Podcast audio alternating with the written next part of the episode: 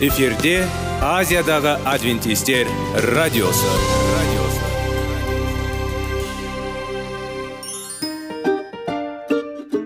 Сәлем достар. Денсаулық өмір бұлағы және біздің бірінші байлығымыз демекші денсаулық сағаты рубрикасына қош келдіңіздер. Біздің рубрикада біз әртүрлі факторларменен мәліметтерменен кеңестерменен бөлісіп шын жүректен сіздердің дендеріңіз сау болғанын қалаймыз. Сол үшін біздің рубрикаға қош келдіңіздер. Дайындалып тұрыңыздар. Өйткені келесі минуттарда қызықты фактілерге ие боласыздар. Енді достар ең бірінші байлығымызды қолымызға алып алға кеттік.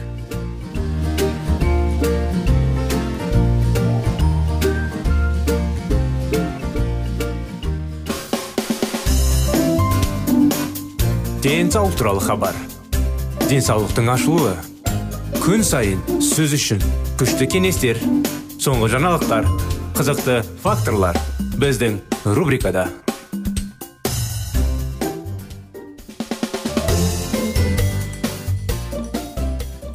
бағдарламамызды ары қарай жалғастырамыз армысыздар құрметті достар құрметті біздің тыңдаушыларымыз денсаулық сағат бағдарламасына қош келдіңіздер қытай зерттеулері тақырыбын біз сіздермен бірге ары қарай жалғастырудамыз егер сізде аурудың генетикалық қаупі жоғары болса да негізінен өсімдік өнімдерінің тұратын дұрыс тамақтану осы гендердің белсенділігін бақылау арқылы қауіптің көп бөлігін жоя алады. Талшыққа бай тамақтану тек тоқ ішек қатерлі алдын алады. Талшықты тұтынатын артуы ешқашан бұл аурудың пайда болуына ықпал етпейді. Жеке адамдардың генетикалық емділігіне қарамастан тамақтану бойынша ұсыныстар бірдей. Простата обыры менің ойымша көптеген адамда. Простата обыры қоғамда кеңінен талқылағанына қарамастан простата немесе простата деген не екенін білмейді. Простата бұл қуық пен тоқ ішектің арасында орналасқан грек жаңғағының мөлшері туралы ерлердің репродуктивті ағзасы органы дейді ғой. Ол сперматозоидтың жұмыртқаға жетуіне көмектесетін сұйықтықты бір бөлігін өндіруге жауап береді. Бұл органның кішкентай мөлшеріне қарамастан ол айтарлықтай қиындық тудыруы мүмкін. Менің кейбір достарым простата обырынан зардап шегеді. Немесе бұл жағдайда жақын және олар жалғыз емес. Бір баяндамада былай делінген. Простата обыры ерлер арасында жиі диагноз қойылған қатерлі ісік түрлерінің бірі. Ол барлық ісіктердің 25 пайызға құрайды. Ерлердің жақсы жартысы 70 жастан асқан простатаның жақсырын қатерлі ісігін яғни оның жасырын түрі ол әлі де ыңғайсыздық туғызбайды. Простата обырының тән белгісі оның өте кен таралуы ғана емес сонымен қатар баяу дамуы. Жеткізгендіктердің тек жеті пайызы бұл диагноз 5 жыл ішінде өледі. Осыған байланысты қатері ісіктің бұл түрін қалай емдеу керектігін және оны жасау керектігін түсіну қиын. Дәрігер үшін де пациент үшін де басты сұрақ бұл ауру басқа себептермен өлімге дейін өмірге қауіп төндіре ме? Қуық асты безінің қатерлі ісік науқастың өміріне қауіпті болу ықтималдығын анықтау үшін қолданылатын маркерлердің бірі қандағы простата антигеннің пса құрамы. Қандағы пса деңгейі төрттен жоғары болған кезде ар адамда простата қиындықтары бар деп саналады. Бірақ бұл талдау қатерлі ісік ауруын сенімді түрде диагностикалау үшін жеткіліксіз. Әсіресе егер пса деңгейі төрттен сәл асып кетсе бұл талдаудың орындалмауына байланысты өте күрделі шешім қабылдауға тура келеді. Кейде достарым менің пікіріме қызығушылық танытады.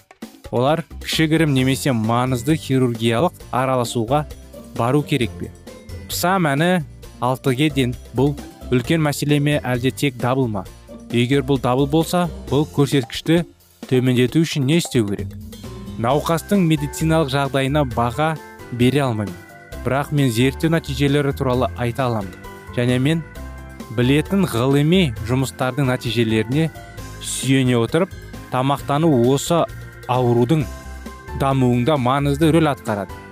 Қатерлі ісіктің бұл түрінде әсер ететін тамақтанудың нақты ерекшеліктері туралы пікірталастар болғанымен ғылымдар ұзақ уақыт бойы келіскен кейбір сенімді мәлімдемелерден бастаймыз.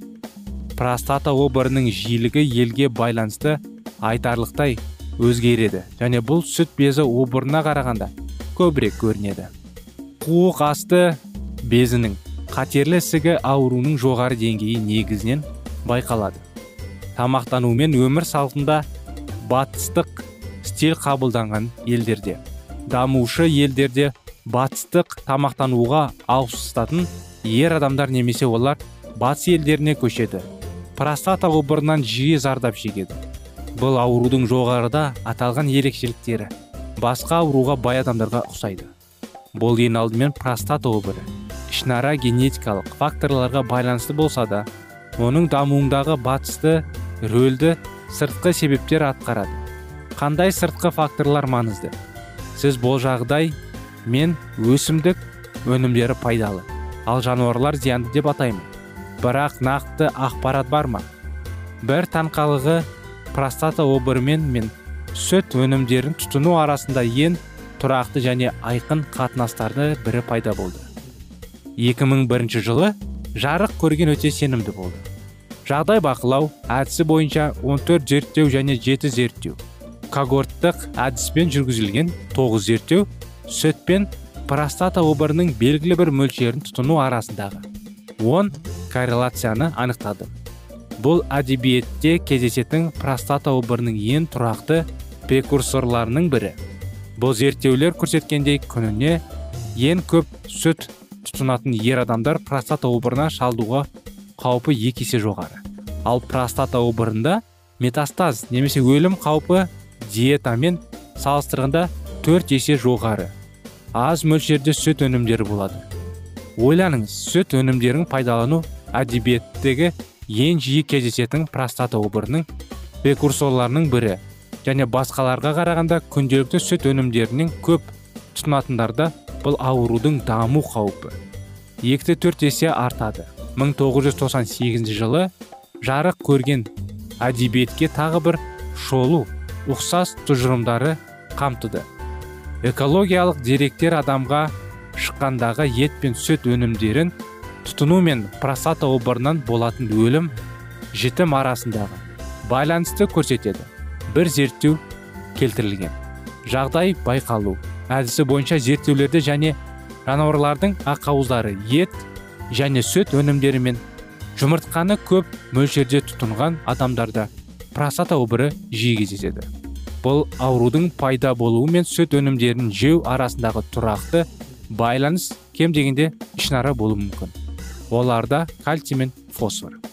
Осындай анықтамалар мен зерттеулер бүгінгі күнде біздің бағдарламамызда. Осы анықтамамен бағдарламамыздың аяғына келді бірақ тақырыбының жалғасын келесі жолы жалғастырамыз. Келесі бағдарламаға дейін достар сау болыңыздар.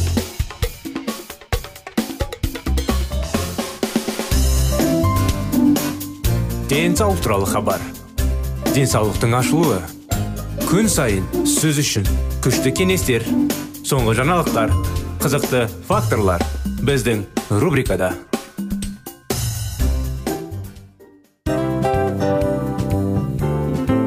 Әуелі байлық денсаулық екінші байлық он саулық үшінші байлық ақ жаулық. Ал енді осындай радио парақшадан кейін не дейміз? Барлықтарыңызға денсаулықтарыңыз зор болсын деп тілейміз. Денсаулықтың өзгеруі кішкентай нәрселерден басталады. Осымен біз берген кеңестер мен мәліметтер шын жүректен сіздер үшін қандай да бір болсын жәрдем берді деп үміттенеміз. Тыңдаушыларымызбен келесі радио парақшасына дейін қоштассамыз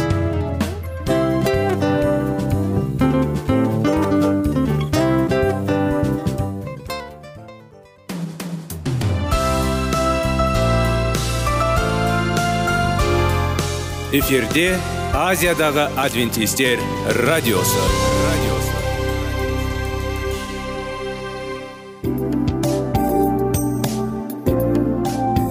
сәлем достар. Барлықтарыңызға шын жүректен сөйлесек рубрикасына қош келдіңіздер деп айтпақшымыз. Шын жүректен сөйлесек бағдарламасы әртүрлі қызықты тақырыптарға арналған. Шындығында шын жүректен сөйлесек деген сөздің мағынасы екі достың екі адамның ортасындағы шын жүрекпен сөйлесуі бір біріне сенуі ашықтық пен шындықты білдіреді. Сол үшін біздің бағдарламалар әртүрлі қызықты тақырыптарға арналған. Дайындалыңыз жаңа қызықты мәліметтерге ие болға ондай болса кеттік.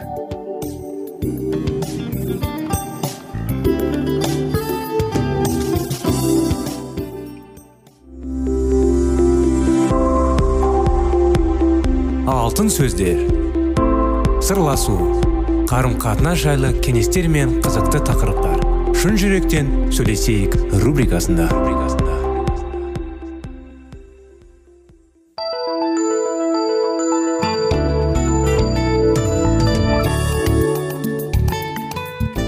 Сәлем достар армысыздар қалдарыңыз қалай? Сіздермен бірге шын жүректен сөйлесейік бағдарламамыз. Біздің бағдарламамызға қош келдіңіздер. Жүріңіздер. Кеттік 25 керемет неке оқиғаларына жүгініп кеңес алып анықтамалар алып өмірімізде қолдануға тырысайық. Сондықтан әйелімнің өзі туралы әңгімесін жайлы жалғастыра кетейік. Күйеуім екеуміздің жасаған әртүрлі жыныстық күнәларымыз некемізге нашар әсер еткен еді. Күйеуім өзінің жыныстық азғыруымен рухани күресіп соған қарсы тұрған кезде менің де рухани күресім болған еді мен оқыған оқып жүрген кезімде 19 жасымда тәртіпсіз жыныстық қатынасқа түскен болатын сол әрекетімнің 22 жасымда жұмысқа шыққан кезде сондай үлкен кезерге жасайтынына білген жоқпын. Менің әке шешем жыныстық қатынасты туралы айтқанда соны неке тек деген тұрғанда ғана жасауға болатынын айтатын болсаң да дегенмен не үшін екенін түсіндірме болатын олардың жыныстық аурулар жұқтырып тұрмаста шықпаған жүкті болып қалған қыз масқара болып әбден ұят болды деп қорыққанға ғана есімде қалады. Сол уақыттарда менің әке шешемнің некесінің бұзылуына аз ғана уақыт қалды. Олардың өздері және іс әрекеттері сәйкес болмайтын еді. Менің әкемнің және әкемнің басқа адамдармен төсек қатынастары көп еді. Біздің үйде өзін таза ұстауды әрі болу жайында ешқашан айтылмайтын дегенмен мен қалағанымның бәрін істеуіме болатын соның салаларын ойланып тек әке шешемнің бөліп қоймасы болды деп шештім. Мен оқуғанда тек өзім сүйетін жігітпен төсекке жататын боламын да. Жүкті болудан сақтандыруға жауапкершілік аламын деп өзім сияқты басқа құрдастарым осы ережені орындайтын болды. Кейбір кезде құрбыларымның жүктілікті болдырмайтын дәрі болды. Дәрі жазып беру үшін дәрігерге жектеп апаратынмын. Кейін мен күйеуіммен таныстым. Онымен алғашқы кездескен күні. Мен тәңірге қалай енді әкелді. Мен сол кезде 21 жаста болатынмын. Мен сол кеште ақ мен келі рухқа кенеліп барлық дәрттерменен сауықтырылдым. Күйеуім сөйлескенімде өзім байқамай оған мен жаным таза болып кеткеніне қатты қуанып отырып дей салдым. Кейін осындай бір түрлі сөздерді қалай айта салғаныма. Антан болдым. Мен жана таза болу мен киелі болудың арасындағы айырмашылықты білмейтін едім. Тек жақсы көрінетін жігіттермен бірге жағу ғана тәртіпті болумен бірдей деп санап жүргенім сезіндім ме мен құдайға жана қабылдаған болсам да ой санам әлі жанарған емес еді. Біраз уақыттан кейін біз бірге жүре бастағанда күйеуім ол кезде жігітім еді ғой енді осы сөздерді ұмытып кетеді деп үміттендім. Ол маған өзімізді пәк таза сақтанымызға қатты қуана отырмын дегенде мен содан қорқып қатты уайымдап кеттім. Сол кезде мен бұл түк те рухани сәбидің айтқан сөздері деп айтқан салғым келді. Мен басқа адамдарға шешім қабылдағанымның салдары осынша ауыр болатынын сонда ғана түсіне бастадым. Мен күйеумен бірге болуға лайықты емес екенімді сезіне бастадым да. Құдайды қатты сүйіп өзіме қамқоршылық жасайтын адаммен бірге тұруға ерекше мүмкіндікті пайдалануды тырысуға көрінген сияқты болды. Құдайға жалбыранып сүйіну үшін далаға шықтым. Мен кешілгенімді білдім де дегенмен өткен уақыттағы төсек қатынас жасағанымның салдарына бала өзім өкініп айыпталған сезіндім содан кейін күйеуім сөйлесуге бардым. Жігітімен ол кезде әрине қайтадан айта, айта кетейін. Алайда жігітім өзімнің ұят қылықтарым жайында айтпастан бұрын. Ол маған саған мына келі жазбаның бір аяттарын оқысам қарсы болмайсың ба? Сол аят туралы пікірді сенімен сөйлесу керек екендігін сездім деген еді. Мына аятты оқи бастап сонымен құтқарушымен байланыстырылған әркім жаңа адам болып ескі өмірін өтіп кетті дейді. Ол жалғастырып осы бір түрде естілді деп білемін. Дегенмен құдай саған ескі өмірін өтеп кетті деп мұны айтқанымда қалайтын сезіп отырмын. Енді сен жаңа адамсың. Сен былайша пәк таза сияқтысың деді. Осы сөздерді естіп отырғанда менің жүрегім айни бастайды. Мен пәк таза емеспін. Соны айтқым келді саған деп жауап қаттым маған қолын тигізіп иығымнан құшақтап маған былай деді жігітім. Егер жаратқан ие саған пәк тазасың деген болса онда онымен таласатын кәдіміз сол кезде сол кезде ақ менің ұятым жоқ болып кетті. Дегенмен де мен өзімнің жыныс әрекетіне күйректігімді махаббатқа емес нәпсіқорлығыммен ояттым. Мен тұрмысқа шыққан кезімде мен сүюім келді. Бірақ қалай сүю керек екенін білмедім. Тұрмысқа шыққанға дейін мен жыныстық қатынасыма бір жаман тыйым салған және жол бергісіз нәрсе деп есептедім. Ал енді тұрмысқа шыққан кезімде ол құдай үшін және адамдар үшін жақсы және маңызды болып бастады. Мен бұл өткелден қалай өтетінімді білген жоқпын. Біз жігітім күйеуім екеуміздің оңаша қалған кезімізде мен бұрыннан колледжде көріп тамашалаған қандай да бір сұмдық әдепсіз көркем фильмдерді алған суреттер кенеттен менің көз алдымда пайда болады. Немесе мен бұрынғы жүрген жігітіммен жыныстық қатынас байланыстарым жөніндегі естеліктерді еске түсіріп ұялғанымның өздің нәпс құрымлығында басып тастауға талпыныс жасап мен тұйық болып кеттім. Бұл масқара жағдай еді. Мен күйеуімнің өзімді біреуім керек болғанда өткен жасаған қылықтарым байланғандай байықпан. Өзіме лайықты болса да жігітім дегенде дегенмен өткен уақытты жасаған қатерлермен ұялып солардан азат болып алмай жүрдім. Мен жаман ойларыммен және өз ұятыммен күресіп жүргенімді мен соларға қарсы тұра алмай беріліп кететінмін. Сол уақытта мен ішкі жан дүниемнің байланысын үзіп тұқымды қуалайтын қарғыстарды алып тастайтын құдайдың құдіретіне жайында біліп алдым. Осы нүктемен құрметті достар бағдарламамыз аяғына келіп жетті. Сіздерді қуана келесі тақырыпқа шақырып жалғастырамыз. Келесі жолға дейін сау саламат болыңыздар.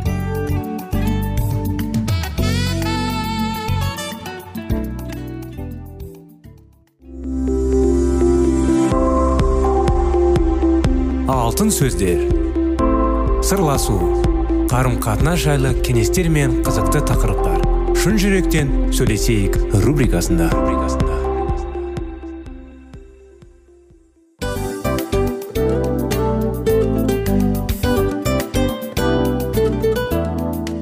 Құрметті достар барлық ең соңғы кеңестер аяқталған соң біздің программамыз соңына келіп қалды. Осы біздің мәліметтер осы рубрикада айтылған әрбір сөздер сіздерге өзінің қандай да бір пайдасын алып келді деп шын жүректен сенеміз. Және бұдан да көптеген рубрикаларымыз бар. Басқа рубрикаларымызда біздің зерттеулерімізде сіздер үшін тағы да қызықты мәліметтер дайын. Біздің шын жүректен сөйлесейік парақшамызда көптеген әдістер ең соңғы кеңестер адамның нравственность жақтан моральдық жақтан тазалап байыта тұрған соңғы кеңестердің барлығын жанарады. сондықтан алдыңғы күндерде бізбен бірге болыңыздар. Өйткені барлық қызықтар алдыда. Бізбенен бірге болғандарыңызға үлкен рахмет. Келесі кездескенімізше сау сәлемет болыңыздар.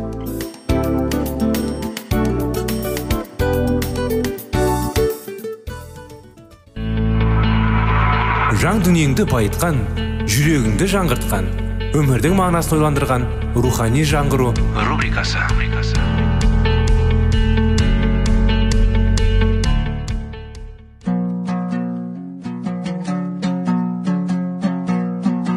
Ассалаумағалейкум біздің тыңдаушыларымыз. Келі кітаптың шындығын ашып берген қысқа бағдарламасына қош келдіңіздер.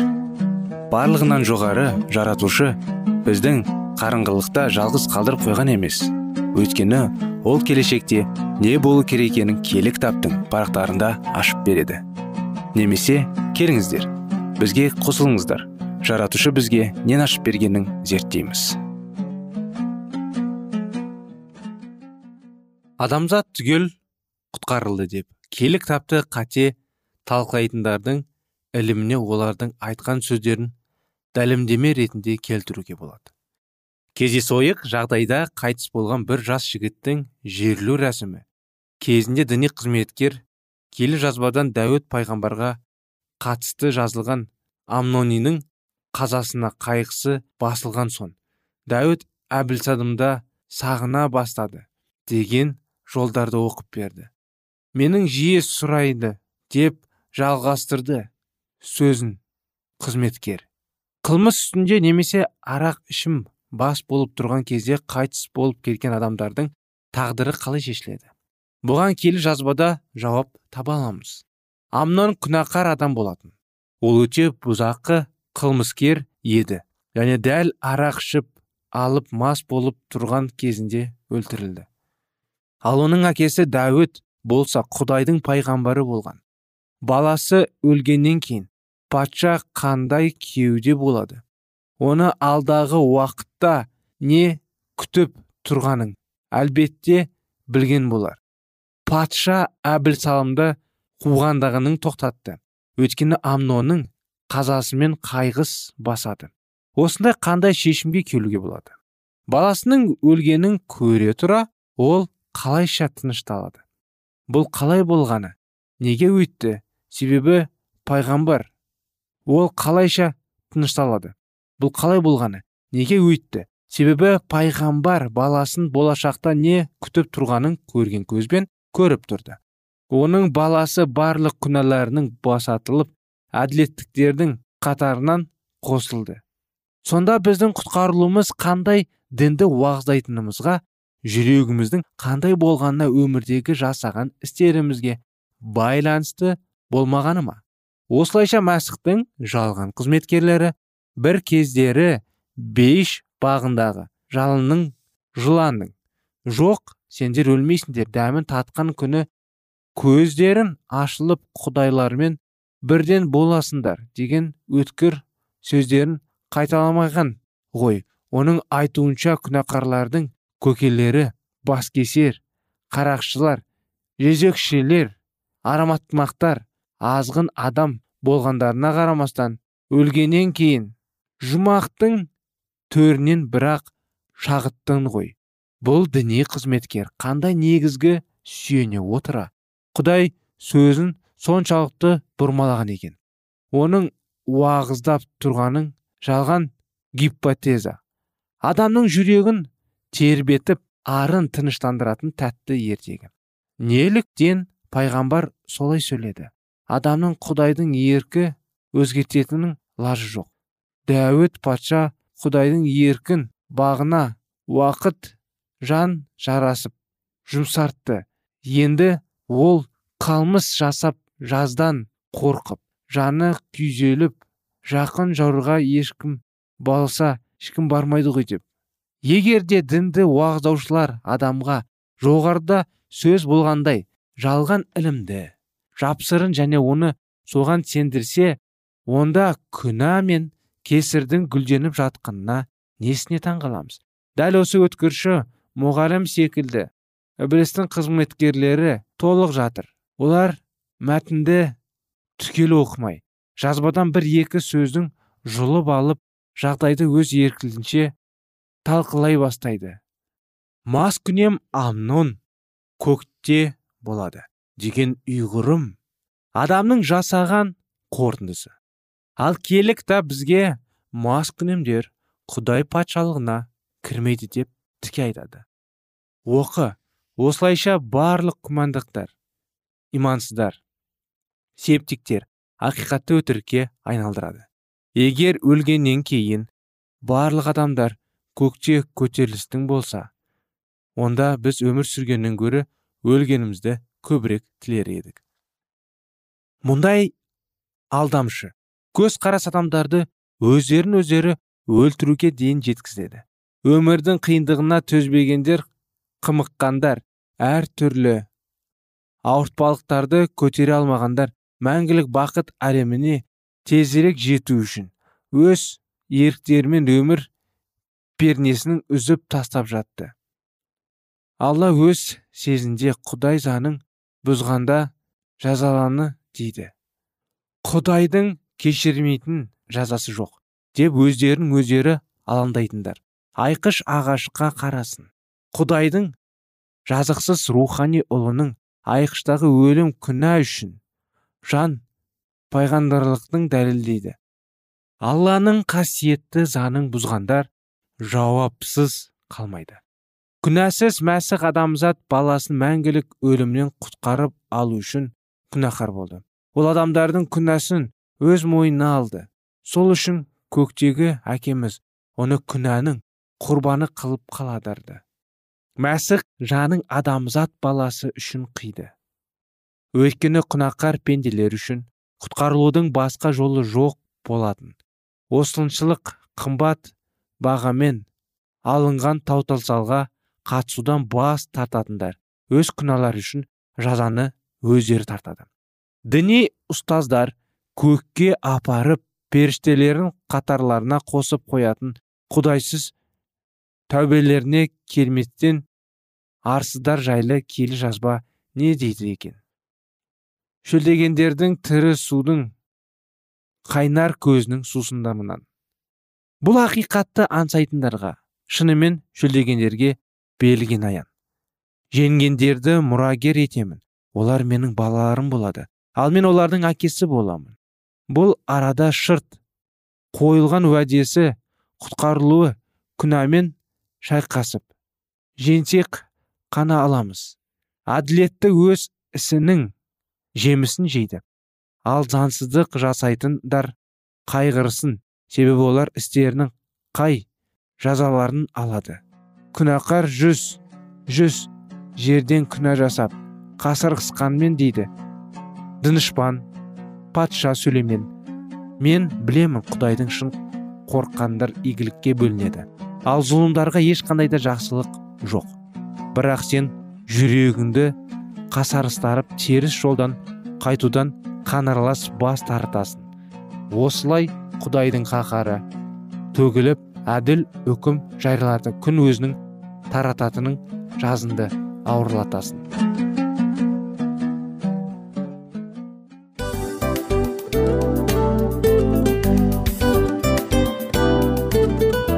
осымен достар программамыздың зерттеуіміздің ең қайғылы минутына жеттік. Қайғылы дегенде бағдарламамыз тез арада өтті де кетті. Соған көңіліміз деп тұр. Жарайды қайғыны қояйық. Бүгінгі 24 сағаттың алтындай жарты сағатын бізге бөліп арнағаныңыз үшін рахмет. Егер де өткен сфераларда пайдалы кеңес алған болсаңыз біз өзіміздің мақсатымызға жеткеніміз.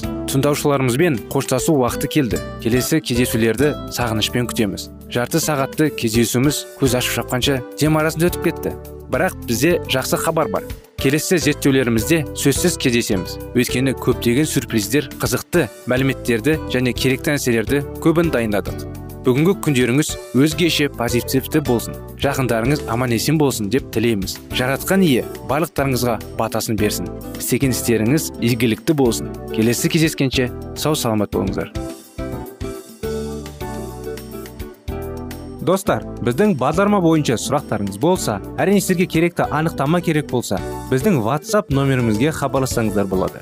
Плюс бір үш жүз бір жеті жүз алпыс алпыс жетпіс. Иә достар сіздер қателеспедіңіздер бұл біздің номерлерге ұқсас болмаса да бұл whatsapp номер арнайы. Хабарласыңыздар сұрақтарыңызды қойып тұрыңыздар. Анықтаманы алып тұрыңыздар. Плюс бір үш жүз бір жеті жүз алпыс алпыс жетпіс whatsapp номері